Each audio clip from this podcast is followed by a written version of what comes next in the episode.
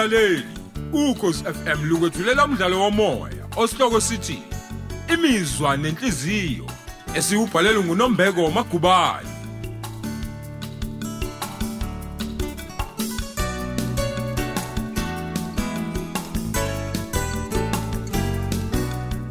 Thamela isiqephu sesihlanu.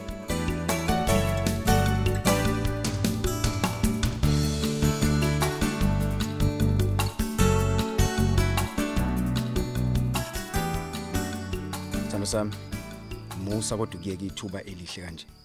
Phela ukuphatha umtholampilo kuzokwenza impilo yethu ibe ngcono kakhulu ikakhulukazi ngalesi sikhathi esisidinga ngaso imali. Uyabona? Siyayidinga imali phela. ngiyezwa sithanda sami. Eyi kodwa ngithanda ukuhlukana nawe.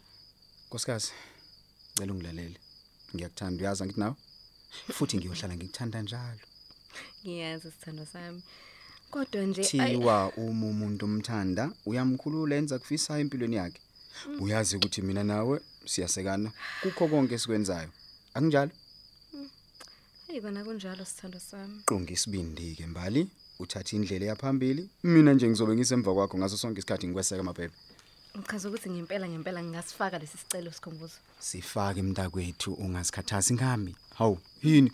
Uyongithola ngiyihlalela la ekhaya ngikulindile. Ngenza umsebenzi weingane zami. Eyi. Uqinisile ngempela ngempela sikhumbuzo. Hhayi ke, uneshow uma lokho ngibuza imibuzo ke ngizovele ngishintshe umqondo ke mbali wonke umuntu uyalidinga ushintsho. Kuyakhathaza ukwenza into eyodwa impilo yakho yonke.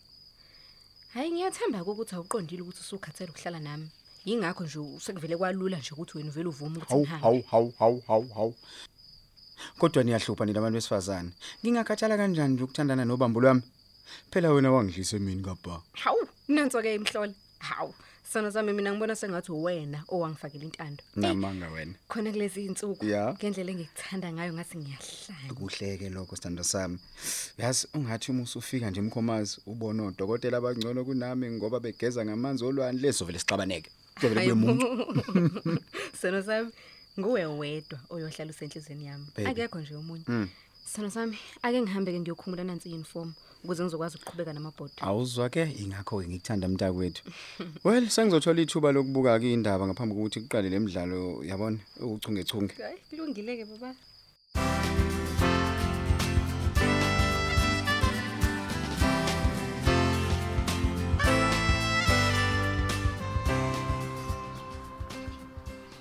Nosipho, Nosipho, ngicela ume kamncane bandla, ngidinga ukukhuluma nawe. Ey, awungixeke wesiketi, awungixeke. Yini ufuna ngempela kumina sinenhlanhla? Awu, ngiyacela Nosipho, angizokuchithela isikhathi. bo- Yazi ngiyazi ukuthi ujahile. Ngithe awungiyeke phansi sinenhlanhla. Yini awuzwa yini? Hawu. Usuxabene yini nesoka lakho lele ngikushiyele lona? Cha, bona Nosipho, thina nolunga sesilibonile iphutha lethu.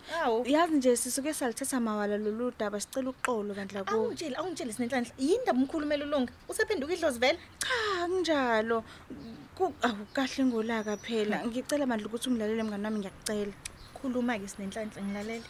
Eish, yazi ngibone kungcono ukuthi ngikhulume nawe kuqala ngoba yimo sephotheni yazi bengingamele nje ukuthi ngikushiye izolo esikoleni ngenkathi usakhuluma nothisha ikakhulukazi ngaphela ubucelile Manje ungishiyeleni pho? Ungishiyeleni? Angisivele ubuja ukuyohubhuza amanga lapha yakulunga ngoba phela uvele uyamfuna. awu nosipha kusile iqiniso ukuthi mina ngifuna isoka lakho Awu. ulungu uthanda wena nawe uyakwazi lokho Ube thanda mina ulunga ngaphambi kokuthi wena ufike usixabanise. awu kodwa Awusho nkosi yami sinenhlanhla. Yini ngempela inkinga yakho? Inkinga yami ukuthi awufuni ukungilalela yize noma sengixolisile nosipho Bheke nje ubheke namanje usaqhubeka nongenza isilimo. Wazi kahle ukuthi inqondo ukuthini? ngiyazi nosipho iqiniso ukuthi ngisuke nje ngavuka umona mina ngesikhathi usishe kuncoma ngiyaxolisa mngani wami yazi angeke ngiphinde ngiyenze lonto Yazi wena uyangichaza kodwa yazi nenhlanhla. hawu usengenzeni manje nosipho Umene uyibhujukele nje iqiniso la kuwena mangabe izinto sezikuxakile. Hawu mngani, angithi ngiyangixolela. Ngiyakucela phela mandla Ndaba yakho. nosipho. Uyazi nje ukuthi angilutho ngaphandle kwakho. Mm, uphinde kungixabanise nesoka lami sinenhlanhla. Asoze, Uphinde. angiphinde. Uzongibona ukuthi nginjani. Noma mina ngimdelize mina ngimqome ngempela udlamini nikhuluma into eniyaziyo. Ha, mngani wami. Hayi, phela mengabe ungaqoma udlamini angeke nje phinde ze siswathe ngamagwinya kagogo. Izwani. Siyodla nje ukudla okutshala enhlabathini ehlelwe kuphela. Ey, ungangiphathi mina nje. Iwaza ngibulala ngetsini mnganami. Usho lusidlamini ngaba iblessa lami. Kahle kakhulu mngani. Izwani. Ungcono ke futhi ke yena ngana kuyasebenza unemali. We. kodwa ke ushoke uyomenza noma izintuli njengoba phela ehlezi seduze kwakhe nje sene ungasashongo opho uyamnaka yini Hayi, yazi ungafunga shame. ukuthi bayathandana hayi wesine ake sihlukane onamagama abantu abadala futhi kufanele ngihambe manje ngaze ngifike nje ugogo esesho ukungiqeda uyamaziki. Hayi kulungile mngani wami. Ngiyabonga nje kakhulu ukungilalela ngiyathemba ukuthi nizokhuluma kahle nizwane futhi nolunga. Ah khululeka mngani wami. Engize ngimkhathaze mina ulunga. Uhambe kahle sine. Uhambe kahle nawe.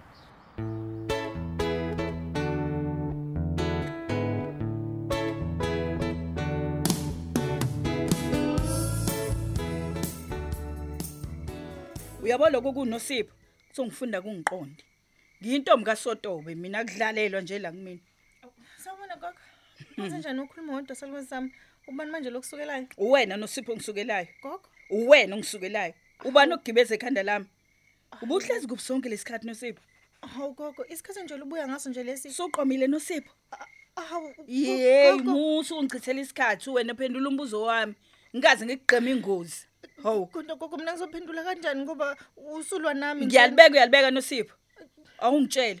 Ubani okufundisa ukuchachaza emzini wami? gogo mina ngazi ukhuluma ngani? Nosipho. Yini oyenza nomfana kashezi? Phendula ngaze ngikusakaze ngempama wena Gogo, mina nolunga. Niqomene futhi nilala la emzini wami. Hayibo. Manyala mani la wenzayo nosipho gogo angazi ukuthi uyithatha mina le ndaba okhuluma ngayo kodwa ngilali nolunga la ekhaya. Oh kusho ukuthi nilala emzini kashezi Ah, uyakwazi lokho dlaba cha bo gogo a- angikaze ngize ngilale nolunga khuluma Sisuke wena nosipho ngokwazi manje. Yini yenza ukuthi uhluleke ukuphendula umbuzo wami? Gogo bandle ngicela wehlisa umoya khona ngizokwazi ukuchazela ayikho into engizoyihlisa umoya nosipho yangizwa ayikho into engizoyilalela nencane show wena. Uma usufuna ukuzenzela umathanda lemzini wami qoqa wonke amasakana akho uphuma uphele la. kodwa gogo angidlali njalo nosipho ayibo umuzi ukuthi usuyintombi enkulu eshiselwa igazi qeda izolala nabafana emzini wami izomela ungishiye ngoxolo mntanami. Vele unyoko wayikhethela indlela yakhe ngoba engafuni ukuphatha njengengane. Kodwa kusingaze ungifanise nomama. Uthi angithini nosipho? Ngoba bengisiphela wena ungcono nginothembeni bengijabule nkathi uthisha kucela ukuthi usize abafundi kanti ngijabulele isikhohlakali mina gogo angenza ngalutho. Hayi bo musuzongiphihlizikela wena lana. Hawu musa nje uzophihlisa. Lalela ngitshele nosipho ngimdala uma ngingaka. Isikole nokuqoma akuhlangani. Ngiyezwa gogo. Eh fanele uzwe ngempela. Nothembeni ngangimtshela njengawe nje. Kodwa yena wakhethani wakhetha ukuzenzela imathanda uphi nje abasikhuluma nje?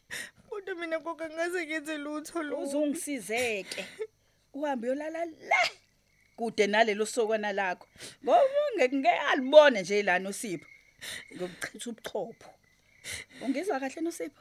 Ngiyezwa gogo. Eh kuyokusiza ke mntanami ukuthi ungizwe kahle. Suka futhi la eduze kwami. Ubeqinisile umantombela ukuthi usiboze sibheke phansi wena.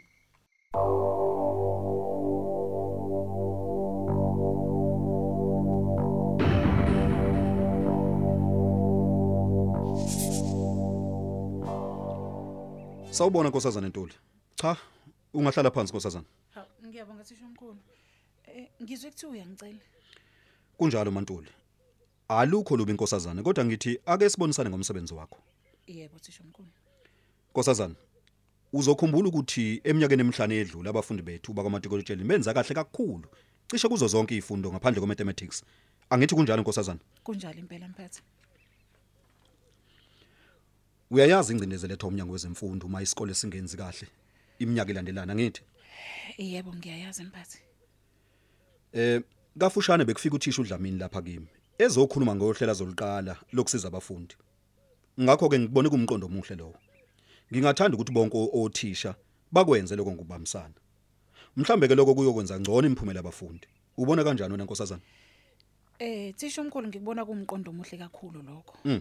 Kodwa ngazi noma uthisha omkhulu besezwile yini ukuthi uthisha uDlamini uqoke umfundi azokwenza naye lo msebenzi. Ungazisile konke lokho nkosazana. Futhi ke uma ngingaphosisi u- uthe babili. Mina ke ngikubone kumqondo ophusile lokho nkosazana. Abafundi abakhaliphile phela kumele basize noma ke kumele sibasebenzise inkosazana ngithi. Hayi Kukhona yini okusolayo kuloko wena nkosazana? cha a- angeke ngize ngikwazi ukukhulumela uDlamini kodwa mina nje angithandi ukuthi abafundi bangenzele umsebenzi wami. Kahle kahle kahle Mantuli. Kahle kahle nkosazana. Abafundi abanenzele umsebenzi wenu. Kodwa balekelela abanye ngoba phela abakhaliphile bonke ngokufanayo. Hayi. Ngiyezwa mphathi.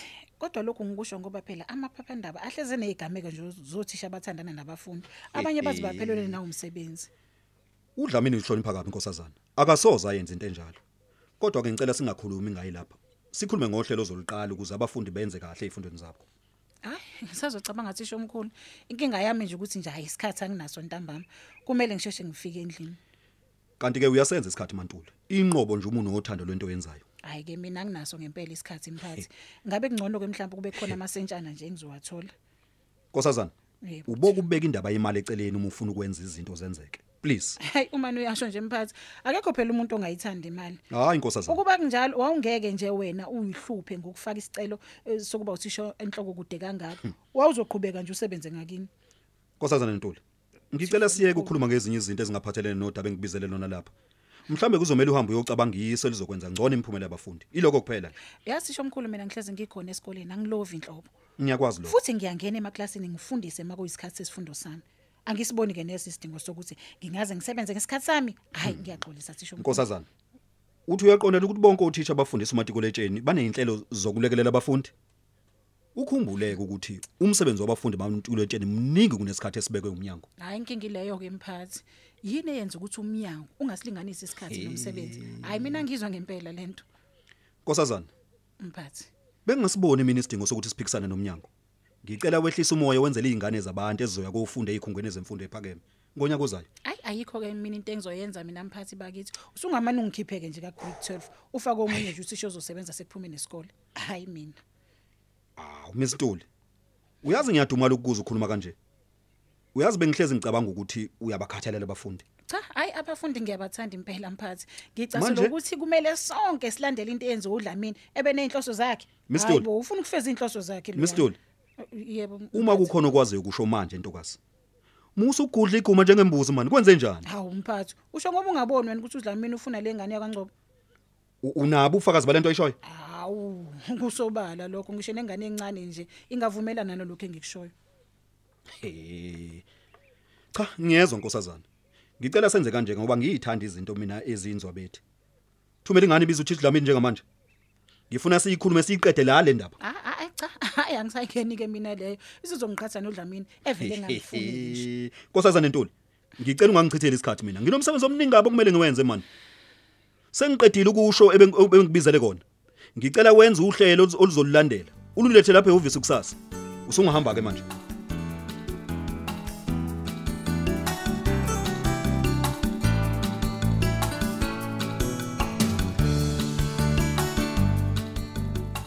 Sisibeka lapho isiqephu sethu imizwa nenhliziyo.